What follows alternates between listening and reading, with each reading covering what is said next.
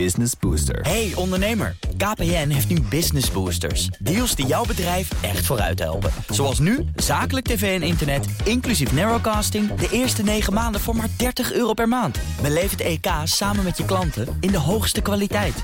Kijk op kpn.com slash businessbooster. Business Booster. Je wilt het beste voor je organisatie en dat is soms best een uitdaging. Met AVAS stroomlijn je al je bedrijfsprocessen. Zoals facturatie, payroll, maar ook je inkoop. En dat allemaal in dezelfde applicatie.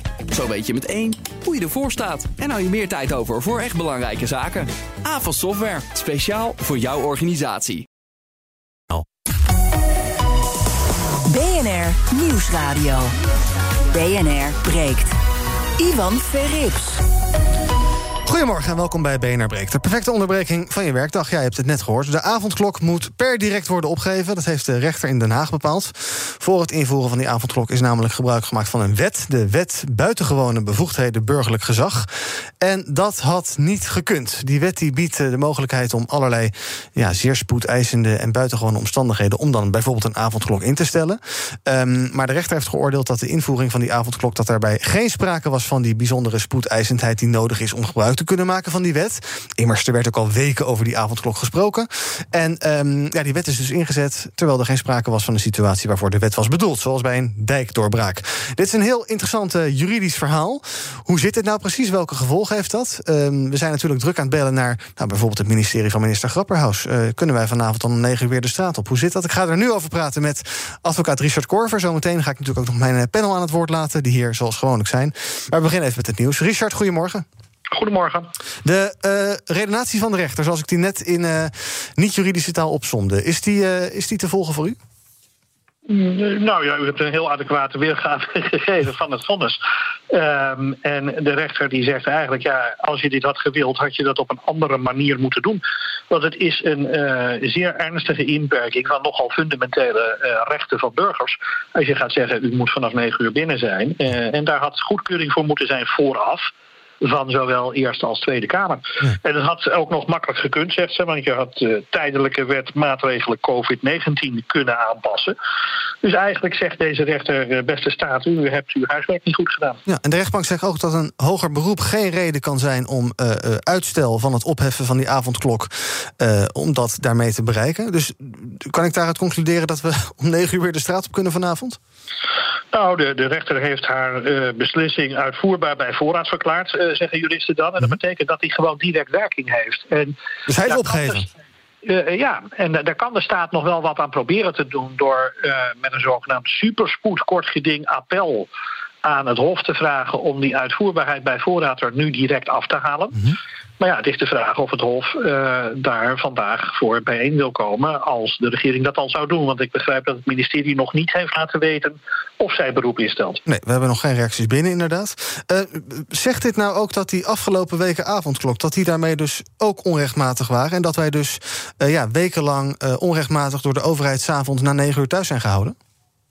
Nou, het zegt in ieder geval juridisch gezien dat dit niet had gekund, volgens deze rechter. -hmm. Maar ja, wat ik je zei, er staat hoger beroep tegenover. Dus een andere rechter kan daar wellicht anders over denken. Mm -hmm. En wat ook wel belangrijk is, is dat deze rechter ook zegt... van ja, voor zover viruswaarheid meent dat er geen reden is voor zorg over het virus...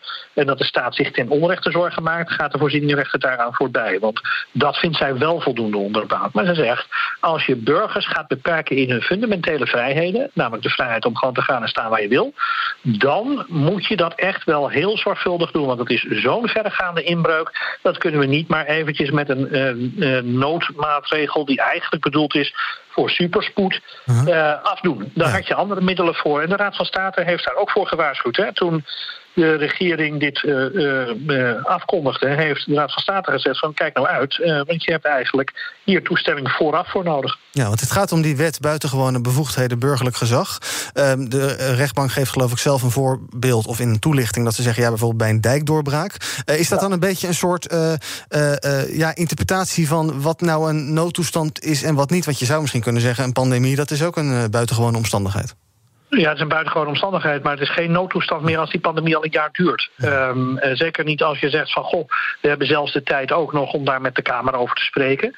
Ja, dan zegt de rechter, dan heb je dus eigenlijk ook de tijd om dat uh, op een andere manier te regelen. En vooraf met de Kamers, dus beide Kamers, te spreken over zo'n fundamentele inperking. Ja, nou ja. Je moet inderdaad denken aan een dijkdoorbraak of aan een terroristische aanslag op Schiphol, weet je, waardoor je daar acuut maatregelen zou willen treffen.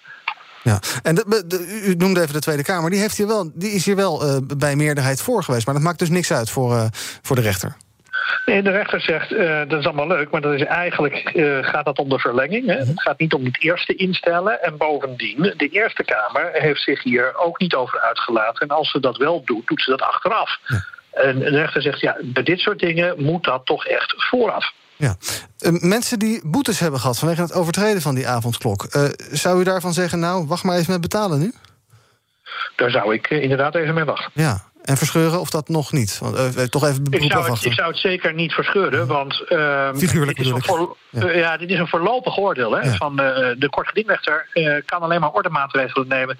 De staat zou hier tegen in beroep kunnen gaan... en ook een bodemprocedure kunnen starten. Ja. Kunnen zeggen, nou, wij hebben dat onder deze omstandigheden allemaal wel goed gedaan. Het wordt natuurlijk extra moeilijk... omdat de staat ook nog in een, althans de regering, demissionair is. En dat maakt ook dat je, denk ik, zou willen... dat de Kamer zich hier kamers uh, actiever mee bemoeien. Mhm, maar be be bemoeilijkt dat demissionaire status, bemoeilijkt die ook nog de, de, de juridische kwestie hiervan, of dat, dat niet? Nee, dat lijkt mij niet. Uh, maar tegelijkertijd uh, maakt het wel de noodzaak uh, klemmend duidelijk dat de regering niet alleen maar ja, in een soort blinde paniek allerlei maatregelen moet nemen, maar daar ook nog wel over moet denken. Het OMT heeft zelf gezegd: we hebben geen bewijs dat die avondklok een substantiële bijdrage levert. Dat heeft die rechter ook nog meegewogen in haar overwegingen. Ja. Um, dus ja, je moet denk ik toch, als je vrijheden van burgers op zo'n uh, brute wijze inperkt, moet je van goede huizen komen en moet je je zaken gewoon goed regelen. Ja. U zei eerder al, uh, hoger beroep is natuurlijk mogelijk. We hebben nog geen uh, reactie van de staat of van minister Grapperhaus, of dit zal ongetwijfeld chefzaggen zijn van premier Rutte. Um, wat de rechtbank nu opgedragen heeft, wat zijn nu de volgende stappen? Dus hoe moet die avondklok op opgeheven worden? Wat moet minister Grapperhaus nu gaan doen? Nou ja, formeel uh, moeten zij uh, artikel 8, uh, leden 1 en 3 van die bijzondere wet buiten werking stellen. Ja, dat kan met een beslissing. Ja. Uh, en uh, eigenlijk moet je ook wel het zo zien in de praktijk dat de rechter zal vinden dat haar beslissing daartoe uh, al voldoende zou moeten zijn. Ja. en dan wordt het dus even spannend om te zien of de regering zegt: Nou, wij stellen een superappel in en wij vragen het Hof om die directe werking van deze beslissing eraf te halen. Ja. zodat er in, in meer rust door hogere rechters hier nog naar kan worden gekeken. Dat is de vraag of men dat doet. En dat is iets wat in theorie vanmiddag gebeurd zou kunnen zijn, bij wijze van spreken. Ja, dat, dat, dat kan zeker. Ja. er zijn gevallen bekend. Maar dat zijn gevallen, dat is wel ironisch, van superspoed. Uh, en je zit hier natuurlijk wel met het feit dat deze rechter zegt... ja, deze hele avondklok voldoet niet aan het criterium superspoed. Ja, ik begrijp het. Dank, Richard Korver, voor uh, uw tijd uh, op zo'n korte termijn. Over de avondklok, ja, het is ingrijpend nieuws. We zitten er al weken aan vast aan die avondklok. En die moet nu van tafel, zegt de rechtbank. we zijn uiteraard druk aan het bellen, zoals je begrijpt... met de ministeries van minister Grapperhaus... met allerlei deskundigen op dit gebied... met mensen die iets weten van de virologie... met burgemeesters, met politie, vakbonden enzovoorts. En zodra we daar meer over weten of we horen iets uit een van de ministeries... dan hoor je dat uiteraard hier op BNR. Tijdens deze uitzending gaan we dan natuurlijk onderbreken. Um, ja, we hebben BNR Breekt. We hebben natuurlijk een panel, zoals altijd. Die waren de afgelopen negen minuten wat stil. Mijn excuses daarvoor. Meerte Westrik van nieuwnieuws.nl chef video bij scholieren.com. Goedemorgen. Goedemorgen. En Hielke Onink, eh, voorzitter van het CDA, de CDA Jongeren. Ook welkom. Goedemorgen. Nou, uh, ook maar even jullie reactie dan, Hielke. De CDA, CDA Jongeren, blij uh, met het uh, afschaffen van de avondklok? Nou, afschaffen met het onrechtmatig verklaard zijn van de avondklok? Nee, totaal niet. Want we hebben gewoon een probleem nog altijd met corona, wat, wat bestreden moet worden. Maar ik vind het echt fascinerend. Want, want bij die ministeries in de Tweede Kamer lopen tal van juristen rond. En dat dan niemand daar aan de bel heeft getrokken van jongens, uh, we hadden dit gewoon op een compleet an, met een compleet andere wet. Op dezelfde manier goed kunnen regelen en was er niks aan de hand. En, en, en ja, dat is nu vanavond wellicht uh, je gewoon weer de straat op kan. Ja. En wa waarom niet blij mee? Want je zou ook kunnen zeggen dat het recht hier zegeviert. En dat de rechter dus. Uh, dit, ja, dit is toch dit is het bewijs van de democratie, zou ik bijna zeggen. Nou, kijk, het om even dan Jan de Koning, oud-CDA-minister, aan te halen. Als het niet kan zoals het moet, dan moet het maar zoals het kan. Uh, is een gezegde van hem. En ik denk mhm. gewoon, het, het doel is natuurlijk nog altijd die coronabestrijding. En uh, wat, wat deze rechter duidelijk maakt: van hé, hey, let op, dit was geen spoed. Maar je had die avondklok wel op een andere manier kunnen instellen. Mhm. Dus uh, die avondklok is in principe een maatregel wat je mag inzetten. Als je het dan wel, maar op de juiste manier democratisch doet. Ja, en het is gewoon heel pijnlijk dat dat dus blijkbaar niet goed is gegaan. Ja, maar jij ziet het dus echt als een, ja, een administratieve fout die begaan is. Terwijl de rechter er voor mijn gevoel wat principiëler naar kijkt. En die zegt: dit kan gewoon zo niet. Ja, dat hoop ik wel van een rechter die in de rechtspraak zit. En de rechtsstaat ook moet beschermen. En ik, ik denk ook, hè, de, de, de invulling van die, hoe dit is gedaan, is gewoon echt fout. Maar het doel zelf met een andere wet ja, is nog steeds heel legitiem en heel noodzakelijk. Ja. Meerte, Um, Scholieren.com. Ja, jongeren, we weten dat ze het moeilijk hebben in de coronacrisis. Dat is, eh, daar hebben we het al heel lang over. En dat is ook goed. Um, nou, dan lijkt het me fijn dat je na negen uur uh, weer de straat op kan. Uh, ja, ik ga sowieso alle betaalde boetes van mezelf even declareren bij de staat. Nee, nee grapje. Ik, ik vind het wel. heel braaf, je bent toch de straat niet op geweest? nee, ik ben de straat inderdaad niet op geweest. Nou, wel één keer om één voor negen nog uh, naar oh binnen gestapt. Dat was wel. Uh, Um, nou ja, uit onderzoek blijkt ook wel, volgens mij, dat zo'n maatregel, daar hebben we het een tijdje terug ook al over gehad, dat zo'n maatregel als uh, maar met één persoon mogen afspreken, dat dat veel meer invloed heeft op jongeren. Daar heb ik ook wat jongeren binnen scholieren.com wel over gesproken, die zeggen van ik, ik wil met, met twee vrienden of met drie vrienden kunnen afspreken. Dat doet mij goed. Mhm. En nu met één vriend, ja, dat is misschien dan ook niet zo'n hele gezellige vriend in zijn eentje om mee af te spreken. Maar dat is volgens mij een veel ingrijpendere maatregel. Alhoewel ik zelf ook wel merk dat ik nu de afgelopen tijd na mijn werk, na het avondeten, toch wel zin had om gewoon even een wandeling te, maken. Of even eruit. Juist nu. Juist nu samen. Nee, eh, ja, dat merk ik wel. Um, ik, ik vind het wel heel bijzonder hoe dat inderdaad gegaan is. Ook wat jij zegt, dat het dus juridisch... ik heb daar niet veel, heel veel verstand mhm. van, van al die juridische termen... maar dat dat dus juridisch niet goed is gegaan...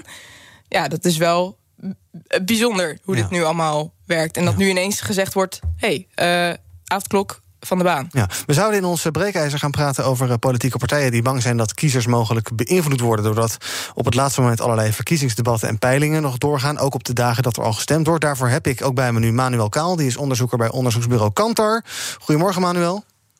Goedemorgen. Ja, ik heb dit niet met je afgesproken, maar ik ga het je toch even vragen. Uh, de, de, avondklok, uh, weet jij in hoeverre daar steun voor was? En uh, ja, welke gevolgen heeft zo'n uitspraak daarvoor? Want het is dus gewoon een juridisch niet in orde. Ja, nou, dat het juridisch niet in orde is, dat is heel ja, vervelend. We zien wel dat in ieder geval twee derde van de Nederlanders groot voorstander is van het invoeren van de avondklok. Mm ja, of dat na deze uitspraak nog steeds zo is, dat is natuurlijk nog maar de vraag. Ja, dus dat is even afwachten. Ja, dat, is, het, dat is even afwachten. Ja, kijk, het is wel dat ongeveer de helft van de Nederlanders het ook niet als een beperkende maatregel beschouwen. Mhm. Ja, dus het is eigenlijk niet. Uh, je denkt niet dat er een grote gejuich op gaat in de landen en dat we vanavond grote volksfeesten gaan krijgen omdat iedereen zich uh, bevrijd voelt.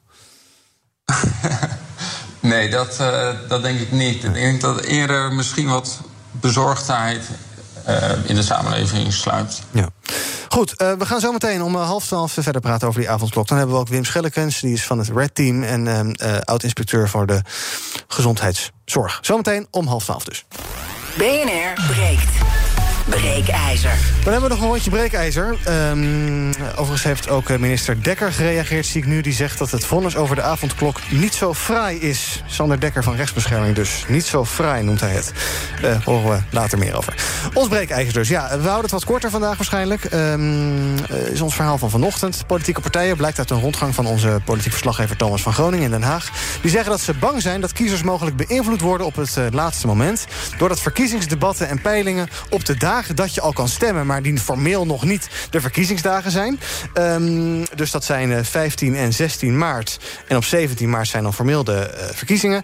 Uh, ja, dat, dat mensen zich daardoor laten beïnvloeden. Dat dat mogelijk negatieve gevolgen kan hebben. Ons breekijzer is, om de verkiezingen zo eerlijk mogelijk te laten verlopen... moeten er geen debatten en geen peilingen zijn op de drie verkiezingsdagen.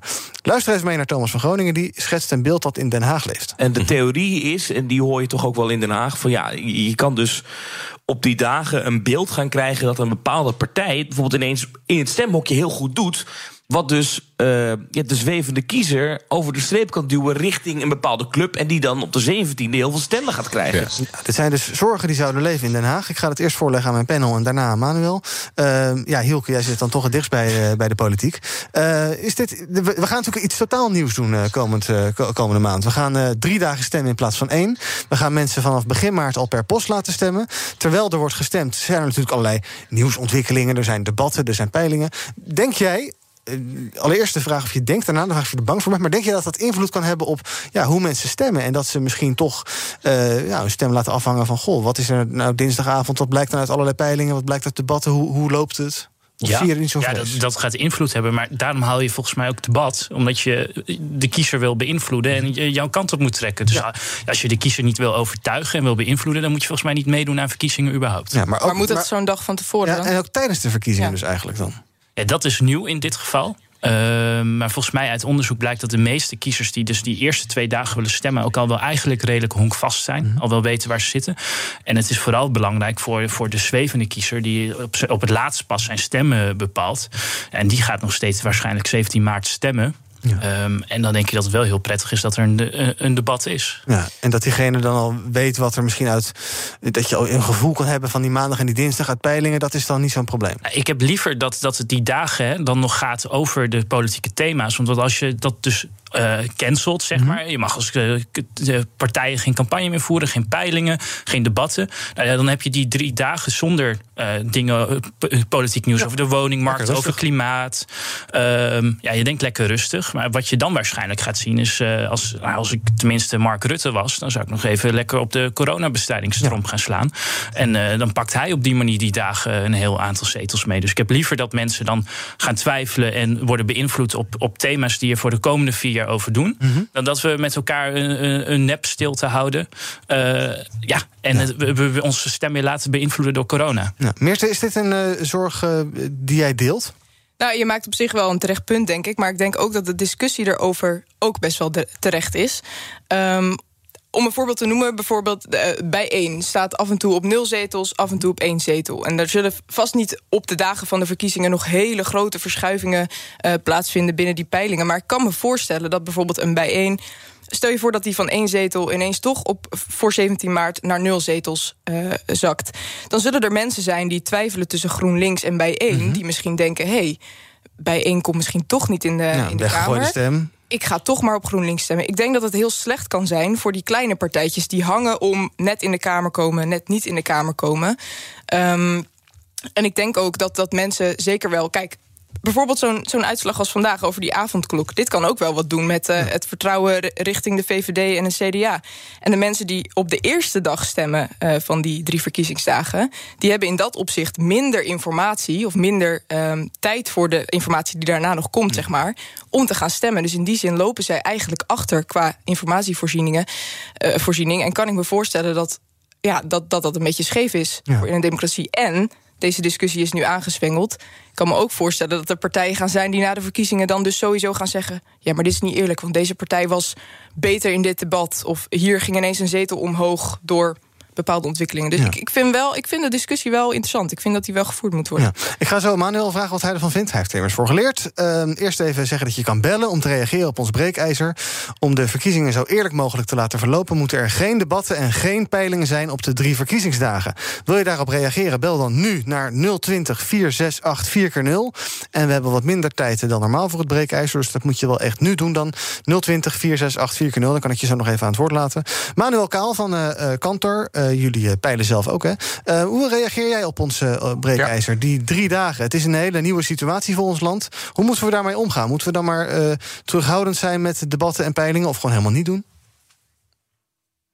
Nou, kijk, ik denk dat het allereerst goed is om even te vermelden dat het eigenlijk meer dan drie dagen is. Want alle 70-plus, dus die mogen natuurlijk al vanaf 2 of 3 maart beginnen met stemmen. Mm -hmm. Dus dat betekent dat daar natuurlijk al een heel groot deel van het electoraat eerder zijn keuze al gaat maken. En dus per definitie de informatievoorziening per persoon anders is.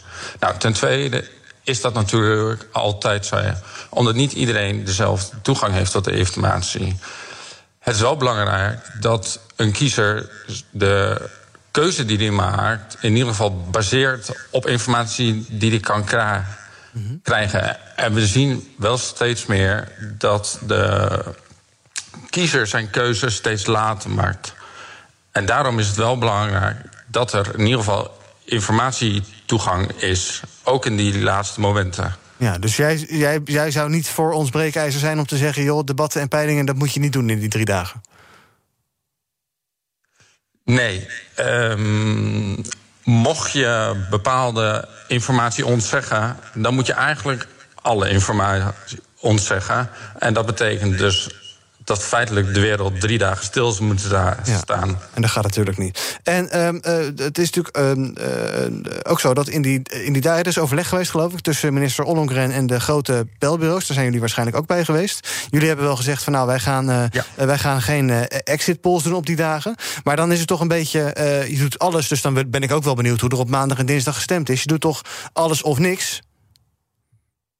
Oh, nou, Manuel is, uh, de verbinding is verdwenen met Manuel. Ik denk niet dat hij de vraag te moeilijk vond, maar dat gewoon de lijn even weg is. We bellen hem nog even terug. Luisteren we ondertussen nog even naar Thomas van Groningen... die nog een ander dilemma schetst waar we ook rekening mee moeten houden. Overigens, iedereen mag de 15e en de 16e stemmen. Het is formeel bedoeld voor mensen met een kwetsbare gezondheid... maar als jij en ik naar het stembureau gaan die dag, dat kan ook gewoon. Dus daarom, we weten ook niet hoeveel mensen op de 15e en de 16e nou precies gaan stemmen. Ja.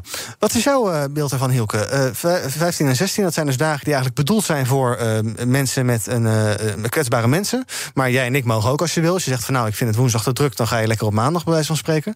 Ehm, wat, wat, verwacht je dat mensen gaan doen? Zullen we toch vooral mensen zien daar die dagen die ja, misschien een, een onderliggende ziekte hebben of iets dergelijks? Of gaan we ook uh, bij wijze van spreken jongeren zien die denken van nou, uh, het hoeft voor mij niet zo druk te zijn? Ja, volgens mij is dat ook al gepeld. En dat is best wel een grote groep. Volgens mij iets van 50 procent. Mm Maar dat weet ik niet zeker. Ik ben hier niet de, de opiniepeiler. Nee. maar best wel een grote groep dus de dagen eerder wil stemmen. En ik denk dat ja, dat is mooi, dat is goed dat dat kan. Want uh, iedereen moet voor zichzelf de afweging maken. Ben ik kwetsbaar of heb, wil ik in een rustig moment uh, stemmen? Iedereen moet zich veilig kunnen voelen om te stemmen. Dus ja, dat we nu dat over drie dagen gaan spreiden, dat, dat geeft wel die veiligheid. En maak daar ook vooral gebruik van, zou ik zeggen. Ja. Manuel is er weer. Ik vroeg net over, die, over die exit polls. Zei ik van ja, dan zou je dus eigenlijk moeten zeggen... of we doen alles gewoon informatie. Dus dan wil ik ook wel weten wat mensen maandag en dinsdag gestemd hebben. Of we doen niks meer. Maar waarom besluit je dan wel dat die exit polls op maandag en dinsdag niet kunnen? Nou, kijk, een exit poll is een hele andere bepeiling dan een reguliere opiniepeiling. Uh, een exit poll die kijkt ook naar uh, feitelijk stemdag en om daar uitspraken over te doen, ja, dien je te beschikken over een zeer groot representatieve steekproef. En de meeste onderzoeksbureaus die voeren die in die mate in ieder geval uit op de, op de lopende verkiezingsdagen. Dus die inzichten die zullen ook niet gepubliceerd worden gedurende de verkiezingen. Dus dat zijn reguliere opiniepeilingen wat dat betreft. Ja, en, en, en daar zie je dus niet wat mensen op maandag en dinsdag al gestemd hebben? Nou, dat, uh, daar kunnen we uit. Ik alleen de grote mee dat. Uh, de grootste binnen, binnen het electoraat onderzoeken. Kijk, tenslotte zijn 10% van de stembureaus op maandag en dinsdag ongeveer. Dat is dermate klein dat het niet mogelijk is om daar betrouwbare uitspraken over te doen. Dus daar dienen de opiniepeilers ook zeer zorgvuldig mee om te gaan. En nou ja, in ieder geval ook uh, het contact met collega's hebben. Uh, ja, dienen we daar gewoon zeer, zeer veel zorgvuldigheid in te betrachten. Ja. En, uh, en, en, dat gebeurt uh, volgens mij ook. Het is, het, is, het is niet voldoende betrouwbaar genoeg om daar uitspraken op te baseren. Ja. Bram, goedemorgen. Goedemorgen. Je hebt een grote eer, Bram, want je bent denk ik de enige beller in ons breekijzer vandaag. Zeg het maar. Ja, ja nou, ik zit in de auto, maar ik moet eigenlijk even hier omdraaien. Sorry. Oh, maar waarom? Ja, nee. Dan wacht ik nee, even. Dan gaat niet... Nou, is goed. Yo. even, even verslagje misschien van het uh, importeren. Ja, waar, waar zou Bram rijden? Ja, in Eindhoven, bij de fabriek. Maar ik sta, ik, sta, ja, ik sta hier bij de, bij de ingang. Zullen we een andere keer bellen,Ram? Ja, bij een andere keer. Ja, doen we dat. hey, tot ziens, hè? Tot morgen. Dag, Bram. Nou, dat was de enige beller.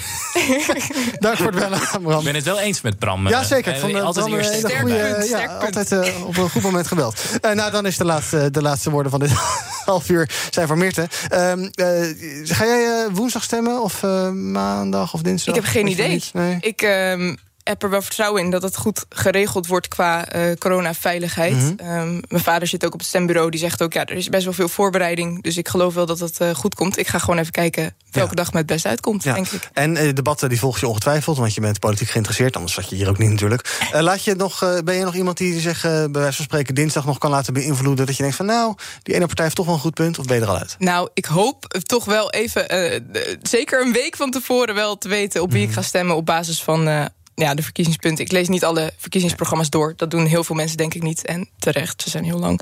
Um, maar ik hoop er dan wel, uh, wel ruim van uit te zijn. Dat er niet ineens een uitspraak... Nou ja, goed. Maar dat, dat is ook het punt dat ik natuurlijk net gaf. Het kan natuurlijk zijn dat ineens een heel verkiezingspunt eruit wordt gepakt... Waar, wat je niet had gelezen. En dat je dan denkt... Hmm, ja toch even twijfelen. Ja. Nou, we gaan het zien. Um, tot zover het breekijzer voor nu. We gaan zo meteen om half twaalf nog even praten na het nieuws met uh, Wim Schellekens uh, van het Red Team over die avondklok. Dank aan Manuel Kaal, onderzoeker bij Kantar. Ook dank aan de briljante sterrol voor Bram vandaag, die als, eh, bel, als beller aanwezig was.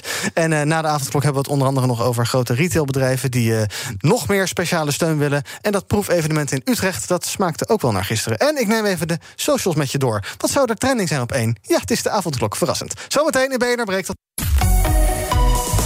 BNR Nieuwsradio. BNR breekt. Ivan Verrips. Welkom terug bij BNR Breekt. Zometeen eh, gaan we praten met ons panel over alles wat nu in het nieuws is. Een van de onderwerpen die nu in het nieuws is, dat is eh, de avondklok. Die moet per direct worden opgegeven. Dat heeft de rechtbank in Den Haag eh, bepaald. Het opheffen mag ook niet uitgesteld worden door een hoger beroep, zegt de rechtbank. Inmiddels heeft minister Dekker van Rechtsbescherming gereageerd... en die zegt, dat is natuurlijk niet zo fraai is toch een aparte quote. Hij zegt zoiets moet juridisch goed in elkaar zitten. Kennelijk is daar vandaag een uitspraak over gedaan. Daar gaan we zo nog naar kijken. Nou, daar spreekt niet heel veel urgentie uit. Uh, de politiebond heeft nog veel vragen over het opheffen van de avondklok. En de BOA's die hebben al gezegd dat ze die uh, avondklok niet gaan handhaven... totdat er een besluit van de minister komt. Dus we wachten uh, bericht uit Den Haag af. Um, van Grapperhaus of van De Jonge, dat gaan we allemaal zien. We gaan daar nu in ieder geval over praten met Wim Schellekens. Die is oud-hoofdinspecteur van de Inspectie voor de Gezondheidszorg... en lid van het Red Team. Goedemorgen, meneer Schellekens. Goedemorgen. Ja, de rechtbank Den Haag die zegt een uh, verkeerde wet ingezet. Uh, dat kan niet. Is dat uh, spijtig dat die weg moet, die avondklok? Nou, niet alleen spijtig, ik vind het heel triest. Uh, even los van de avondklok. Uh, ik vind het triest voor het kabinet, triest voor de minister. Uh, hij wordt, of het kabinet wordt zo slecht ondersteund. Dit had natuurlijk nooit mogen gebeuren. Uh, als je zo'n avondklok wil instellen, dan moet je daar de goede onderbouwing voor geven, de goede juridische basis onderleggen. En het is natuurlijk heel triest als de rechter je dan terugfluit. Viruswaarheid heeft hier gelijk gekregen, maar niet op gronden die zij vinden, namelijk dat de avondklok in hun ogen onzin is, maar op, om procedurele juridische fouten. En, en dat is natuurlijk heel triest, want het gaat hier helemaal niet om de inhoud, om, om, om de ratio voor de, voor de avondklok. Is dat zinvol of niet zinvol? Het is, er is gewoon een verkeerde wet gebruikt. Ja omdat het niet zo acuut was als die wet uh, vereist. Ja. Nou ja, u zegt wel, het gaat, het gaat om administratieve fouten... maar het is, toch, het is toch best wel een principiële uitspraak van de rechter... die zegt, ja, deze wet kan je daar niet voor gebruiken. Dus dan is het toch niet... Ja, nou ja, en dan, de rechter heeft geen keuze. Als, als de verkeerde wet gebruikt wordt... dan is er geen juridische basis voor de avondklok. En dan, heeft het, dan, dan kan hij niet anders besluiten. Maar wat ik triest vind, is niet zozeer dat het kabinet de verkeerde beslissing neemt... Mhm. Uh, maar het feit dat, is, dat ze zo slecht worden ondersteund. En dat is een beetje wat, wat, wat ik steeds zie met, met, met, met alles wat er in met het kabinet gebeurt in de coronacrisis. Ik heb het gevoel dat ze gewoon heel slecht ondersteund worden. Je hoeft van een politicus niet te verwachten dat hij expert is en alles weet. Maar zijn ambtelijk apparaat moet dat wel weten. Ja. En dat ziet u vaker in deze, in deze, in deze coronacrisis. Ja, dat zie ik. En dat, dat is een beetje een patroon in deze crisis. Uh, de ministers worden gewoon slecht voorgelegd. Ja. En, en, en daardoor gaat ook Hugo de Jong in de Kamer af en toe gewoon nat. Niet omdat hij het slecht doet of omdat hij onwil is, omdat hij gewoon slecht ondersteund wordt. Willen we te snel? dat vind ik heel triest. Willen we te snel? Uh, ja, we. Wie is we? Ja, nou ja. Uh, de ministers in dit geval. Kijk, die, die, het kabinet heeft die avondklok ingesteld... om ervoor te zorgen dat het besmettingsniveau zo laag mogelijk is... voordat die Britse variant echt doorbreekt. En dat is op zich een hele goede reden. Of je het nou leuk vindt of niet, het is een hele, hele forse maatregel. Maar dat is de ratio. Maar dat heeft de, dat heeft de rechter niet, niet uh, meegewogen. Nee. Wat is uw indruk van hoe goed dus die avond... inhoud staat over... De inhoud staat overeind, alleen is op, op verkeerde juridische gronden genomen. Wat is uw indruk van uh, in hoeverre die avondklok ook daadwerkelijk helpt bij het terugdringen van het aantal gemelde besmettingen? Is dat, want er was natuurlijk uh, anderhalve week geleden best wel ja, wat onduidelijkheid over. we gaan maar even door, omdat we nog niet echt goed in de cijfers zien wat voor gevolgen die heeft. Wat is uw beeld daar nu van? Nou ja, dat, dat, dat is heel moeilijk te beoordelen, omdat we te maken hebben met een bundel aan maatregelen. Het is een pakket maatregelen die in de, in de gezamenlijkheid ervoor moet zorgen dat het aantal besmettingen uh, omlaag gaat. En uh, ja, het, het, principe van die maatregelen is proberen het aantal contacten zoveel mogelijk te vermijden. En het gaat er dus om of de avondklok het aantal contacten wat er s'avonds is voldoende terugdringt. Uh, dat lijkt wel zo te zijn. Hoe in welke mate dat is, ja, dat is nog niet aangetoond. Dat ja. laten de cijfers ook nog niet zien. Ja. Ik weet dat u uh, geen adviseur bent van het kabinet, maar zou u zeggen van ja, uh, althans misschien wel met het Red Team, maar niet formeel. Zou u zeggen van ja, het kabinet moet er alles op alles zeggen om er, zetten om ervoor te zorgen dat die avondklok zo snel mogelijk, ja, ik zeg maar even, toch weer ingevoerd wordt. En dat we eigenlijk geen verschil gaan merken in de praktijk?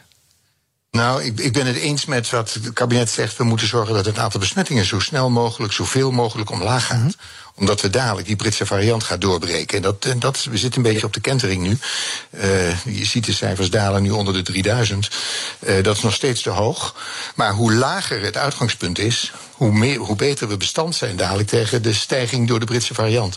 En ja, het, principe is, uh, het pakket maatregelen moet krachtig genoeg zijn om dat te bewerkstelligen.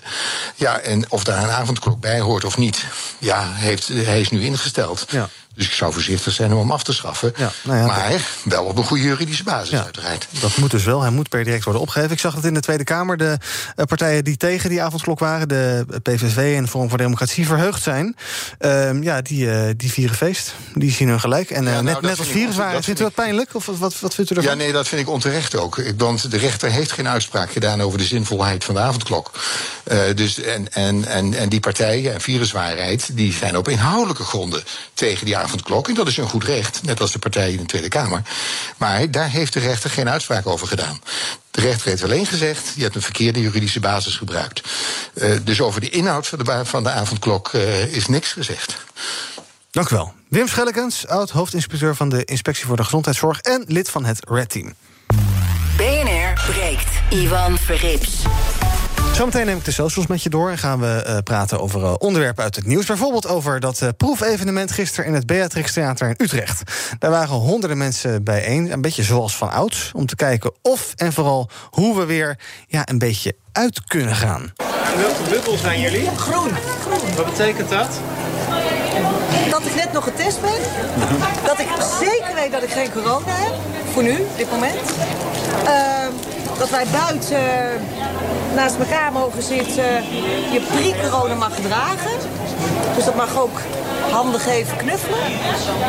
Nou dan. Ja, sommige mensen kregen er een beetje kippenvel van. Ik praat erover met uh, mijn panel, met Hiel Koning, voorzitter van het CDA.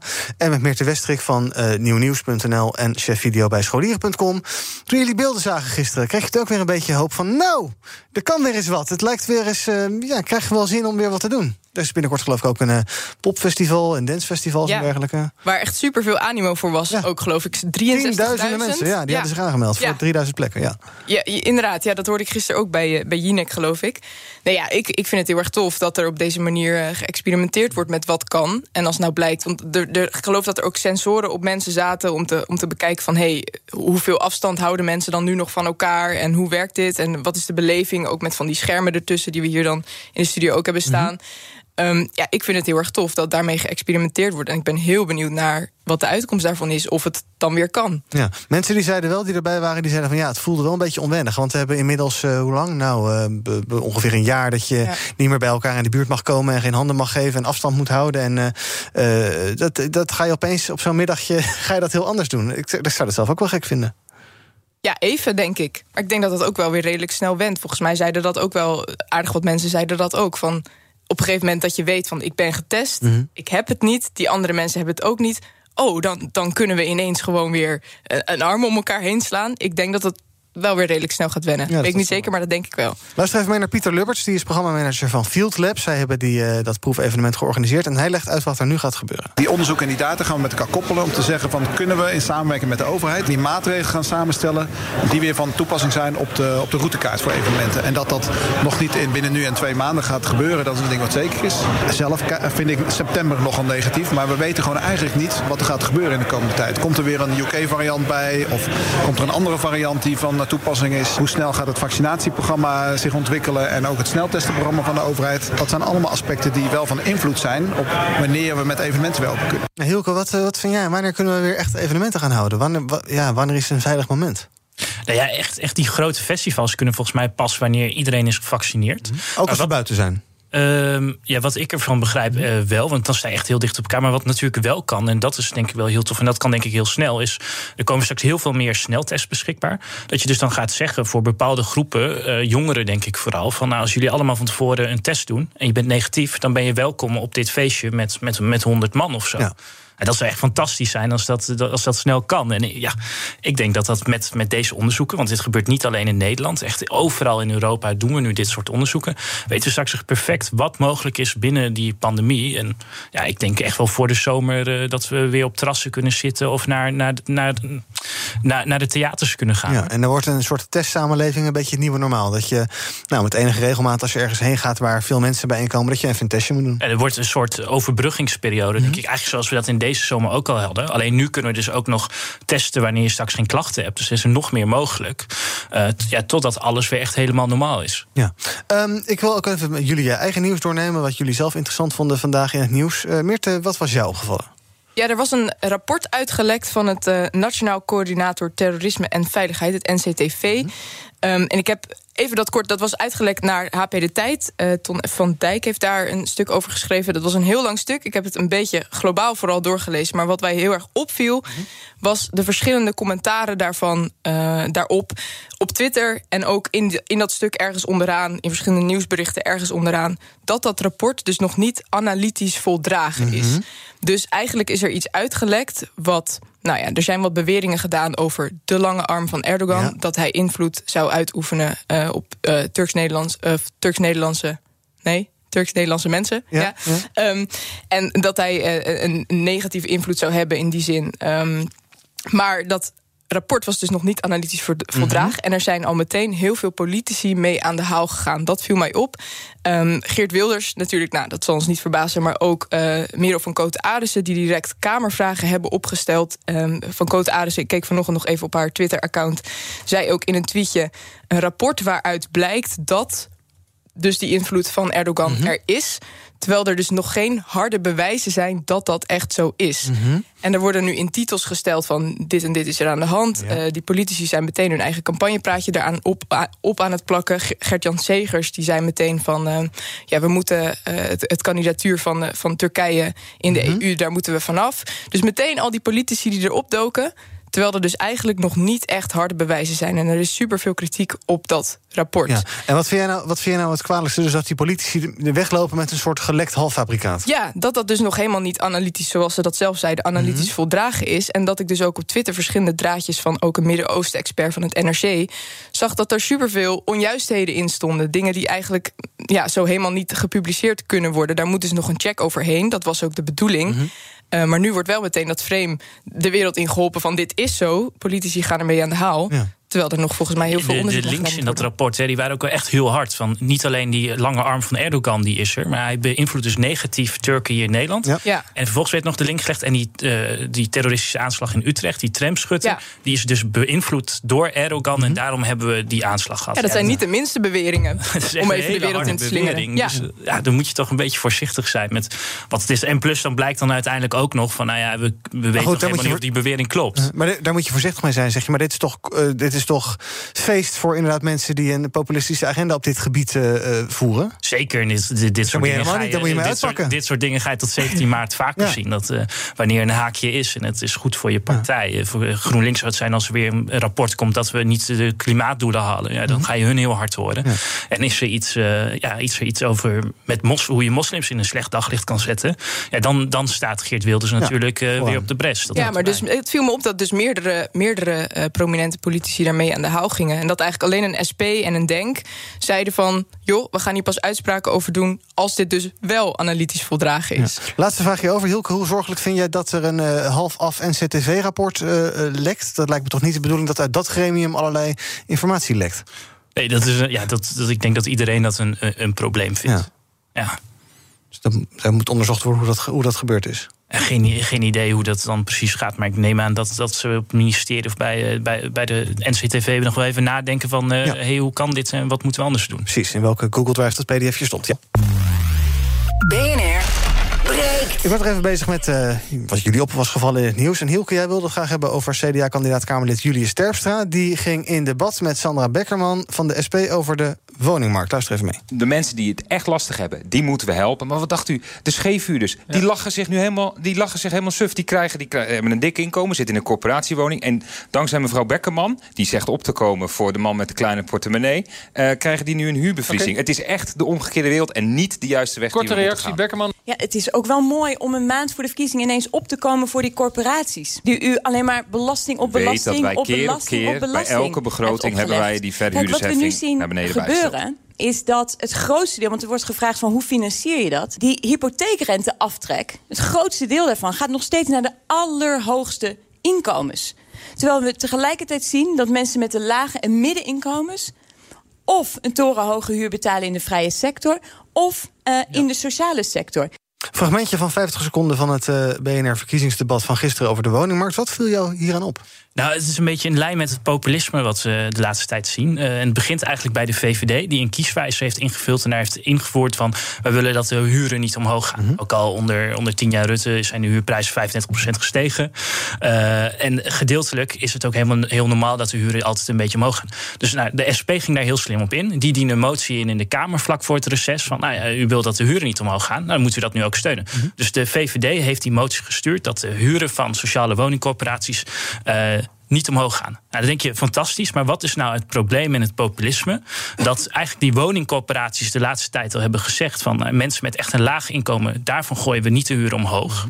En wat je dus nu als probleem hebt, is dat je die 400, 500.000 scheefwoners in Nederland, nou, die hebben die hebben geluk met deze motie, want hun huren gaan niet omhoog. Ook al die al een veel te riant inkomen hebben voor die woningen waar ze in zitten. Mm -hmm. En nog het allerbelangrijkste is dat je dus de investeringskracht van die woningcorporaties uh, daarmee afneemt. Want die krijgen natuurlijk minder geld binnen. Dus uiteindelijk door een beetje slap populisme mm -hmm. van de laatste dagen, nou, is die woningcrisis waar dat debat gisteren over ook ging, ja, gaat het langer duren voordat dat is opgelost. Ja, maar wie neem je dat nou het meest kwalijk? Ja, de VVD. Ja. De SP die is al jaren voor. Uh, we moeten alles bevriezen en ja. alles via de staat. Maar de, de, VVD laat zich weer hier echt vallen in, in, in, slap populisme. En uiteindelijk de mensen waarvoor zij zeggen, daar komen we op. Voor de middenklasse, de jongeren die we een koopwoning willen. Ja, doordat die woningcoöperaties hebben nu minder investeringskracht om, om nieuwe woningen te bouwen. En die, ja, die worden hierdoor keihard geraakt. Ja. Onterecht. Ja. Maar de, de, de SP, want we hoorden net uh, uh, Terpstra in debat met uh, Beckerman van de SP. Dat is toch de partij die opkomt voor de, ja, voor de mensen die klassiek, ik zeg maar even onbeleefd onderaan de samenleving leven. In de, in de zin van inkomen. Die komen op voor de gewone man. Um, dus waar, waar zie jij in dit fragment dan de spanning? Ja, de, de, de, tweede spanning zit hem dus in dat die woningcorporaties... die hebben al lang gezegd van we houden de huren laag... Ja. voor de mensen echt aan de onderkant bij onze coöperaties. En die zegt tegelijkertijd, ja, maar het moet wel gewoon een beetje omhoog. Onze kosten worden meer en wij moeten gewoon nieuwe woningen bouwen. Dus het is een beetje, we doen alsof we de, de mensen aan de onderkant mm -hmm. helpen. Die worden al geholpen. En tegelijkertijd ja, de, de, de middenklasse... Uh, wie zit te wachten op een koopwoning, meer te niks straks... Hè, die, ja, die worden hier gewoon, uh, zijn hier gewoon de dupe van. Van slap populisme van de VVD. Ja. Meerte, ooit uh, kopen? Ooit. Althans, of misschien heb je al gekocht, zou kunnen. Nee joh, ik nee, joh ik heb geen geld. Ik, ik niemand van, vak ik, op, op school was ook economie, dus nee joh, dat gaat helemaal mis. Als je niet goed bent in economie, kan je ook een huis kopen. Maar oh, ik ken overigens niemand, ik ken overigens niemand onder de 30 die, uh, die een huis gekocht heeft. Maar, uh, maar nu uh, heb jij last van hoge huren. Is dat iets wat, wat speelt bij jou? Ik woon nog lekker thuis. Oh, wat fijn. Dus heb je last van nul huur? Ik heb last van nul huur. Precies, goed gezegd. Heel goed. Nou, op de uh, van deze uitzending nog maar even kort een rondje trending op sociale media. Ja, de avondklok dus, nummer 1 trending, logisch. Aquasi doet het ook goed. Die maakt met André Hazes en Merol, heb ik geleerd dat je moet uitspreken... kans op een Edison Popprijs in de categorie videoclip. En ook Lelystad Airport is hot, net als biomassa en, ja, zoals altijd eigenlijk, corona dus. Kan je nog heel eventjes uh, hebben over uh, coronasteun. Uh, de grote retailjongens, dus de grote, de grote winkelketens... die kijken naar Den Haag en vinden dat de overheid de portemonnee moet trekken... voor de grote winkelketens. Luister even mee naar Michiel Witteveen. Dat is de baas van de Mirage Retail Groep. Dat zeg je waarschijnlijk helemaal niets. Maar dat is de club waar onder andere de Blokker onder valt in Nieuwsuur. Ik pleit ervoor om gebruik te maken van de steunmaatregelen... die er bestaan in Europa. En er wordt heel snel geroepen, ja, maar dat mag niet van de EU en zo. En dat is gewoon niet waar. Uh, want er zijn maatregelen bedacht. Kijk bijvoorbeeld in Duitsland, vind ik een heel goed voorbeeld. Um, die misschien wel wat complexer zijn, uh -huh. maar die zijn heel erg goed, juist gericht op groot, grotere ondernemingen. Ja, Witteveen die wil uh, gewoon meer geld zien. Die zegt, uh, ja, met de huidige stempakketten kunnen wij niet uit. We hebben, ik denk, miljoenen nodig. Is dat iets wat we moeten gaan regelen, Hielke? Dat al die blokkers allemaal overeind blijven... en dat, we, ja, dat de overheid de blokker omhoog houdt? In ja, dit geval? Ik denk, het, we moeten natuurlijk de bedrijven omhoog houden. Maar dat het van de, van de grote jongens komt, zeg maar, verbaast me wel. Bij hun verwacht je van, ja, jullie hebben de, de platforms, de innovatie, de denkkracht... om juist slim te ondernemen in deze uh, coronatijd. Nou, ik hoor dan net dat het om de blokker gaat. En ja, voor de blokker geldt een beetje eigenlijk ook wel. Voor deze coronacrisis zat dat al bijna tegen faillissement aan. Mm. Uh, dus die mogen ook wel even bij hunzelf te beraden gaan... wat is nou ons verdienmodel? Uh, ik snap eigenlijk niet waarom zij als eerste aan de beurt zouden zijn. Nou ja, Iedereen wil natuurlijk geld. Ja. Precies, ik wil ook geld. Gratis geld vooral. Nee, maar je zegt, uh, dit, dit soort grote bedrijven moeten natuurlijk goed kunnen innoveren. Dat is natuurlijk zo. Maar ja, grote bedrijven hebben dus ook heel veel kosten. En een bedrijf kan nu maximaal 6 ton per kwartaal krijgen, geloof ik. Het kabinet wil dat ophogen naar 1,8 miljoen. Ja, Witteveen zegt, ook landen om ons heen doen dat veel ruimhartiger. Uh, en ja, dat zo'n bedrijf uh, groot is en dus veel geld kost... ja, dat moet je dan maar slikken met elkaar. Als we zeggen van die blokkers zijn toch waardevol.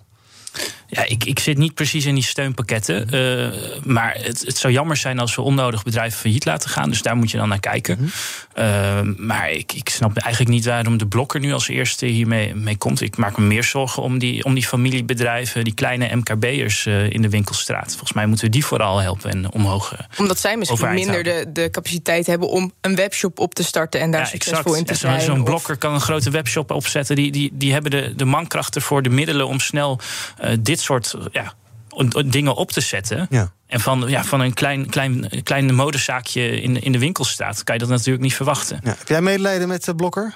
Ik heb medelijden met iedereen die geraakt wordt door deze crisis. Ja, dat is gewoon, dat is wel zo. Kijk, iedereen wil natuurlijk nu geholpen worden. En wat jij zegt, geld, ik heb er ook, ja, precies. Ik heb er ook geen inzicht in in hoe die afwegingen dan precies worden gemaakt.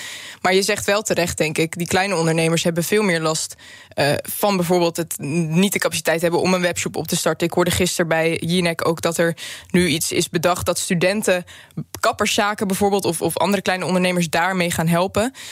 Dus ja, nou ja, uiteindelijk wil iedereen natuurlijk geld. En uh, vind ik het voor iedereen, is het voor iedereen een, uh, zwaar deze tijd. Ja. Maar ja, ik nou, zou op zich nog wel een pan willen kopen bij de blokker of zo. Ja, precies. Ik heb ooit een mop gekocht en die is eigenlijk aan vervanging. Een mop? Ja, als in om oh, te dweilen. Zo, om te dweilen. Ja. Oh, daar doe ik niet aan. Heel verstandig.